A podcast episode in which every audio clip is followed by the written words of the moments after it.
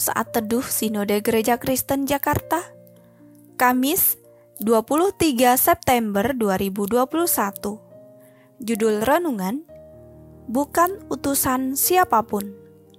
Nats Alkitab terambil di dalam kitab Yohanes pasal 20 ayat 21 Maka kata Yesus sekali lagi Damai sejahtera bagi kamu.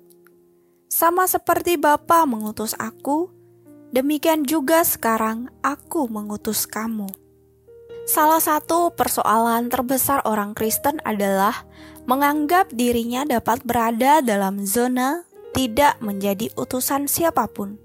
Kita merasa sebagai orang awam yang menjalani hidup sebagaimana orang pada umumnya. Padahal tidak seorang pun dalam dunia yang tidak digerakkan atau didorong oleh sesuatu dalam hidupnya. Tidak ada orang yang hidupnya tidak mengarah ke mana pun. Semua manusia dalam hidupnya digerakkan oleh sesuatu dan mengarah kepada sesuatu. Dengan demikian, kita semua adalah utusan dalam dunia. Sebab itulah definisi dari utusan, atau dalam bahasa Latin, mitere atau diterjemahkan sebagai misi. Jadi arti misi yaitu sama dengan utusan. Dalam nats renungan hari ini, kita dapat melihat ketakutan para murid kepada orang-orang Yahudi setelah peristiwa kebangkitan Kristus. Murid-murid bersembunyi dalam ruangan yang dikunci rapat-rapat. Ayat 19 Ketakutan telah menggerakkan tindakan para murid. Mereka yang dipanggil untuk berjuang dan berkorban bagi pekerjaan Allah justru dikendalikan oleh ketakutan.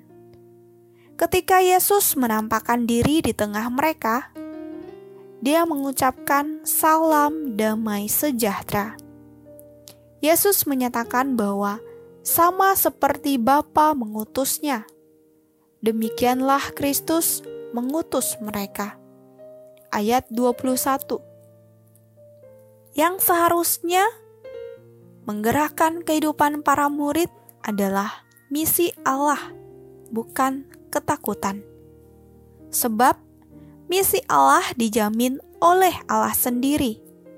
Sebaliknya, Ketakutan hanya akan membawa mereka kepada kehancuran dan hidup tanpa damai sejahtera.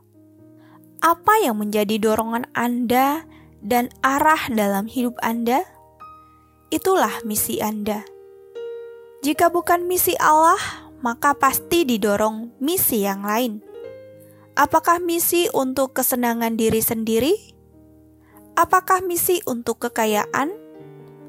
Apakah misi untuk ketenaran? Apakah misi untuk menunjukkan kebaikan hati? Apakah misi untuk mencari kenyamanan hidup? Apakah misi untuk menghindar dari ancaman dunia ini? Kita harus memilih pada hari ini siapa yang mengarahkan hidup kita, dan apakah misi hidup kita yang sesungguhnya Siapa dan apa yang mendorong hidup Anda, itulah yang menjadi penggerak misi hidup Anda. Amin. Terima kasih, Tuhan Yesus memberkati.